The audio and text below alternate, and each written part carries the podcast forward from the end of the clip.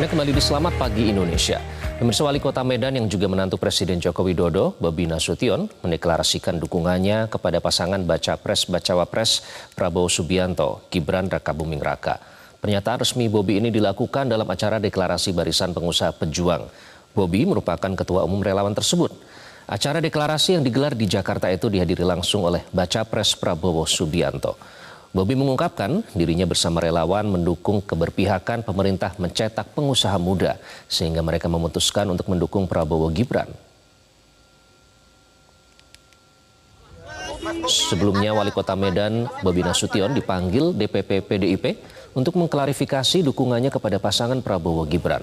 Ketua DPP Bidang Kehormatan PDIP Komarudin Watubun meminta Bobi untuk memutuskan mana yang akan dipilih. Sebab kader PDIP tidak bermain dua kaki dalam Pilpres 2024.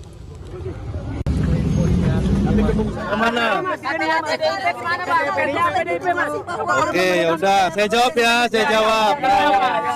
Ya, pokoknya Barisan Pengusaha Pejuang siap memenangkan Prabowo Gibran. Udah.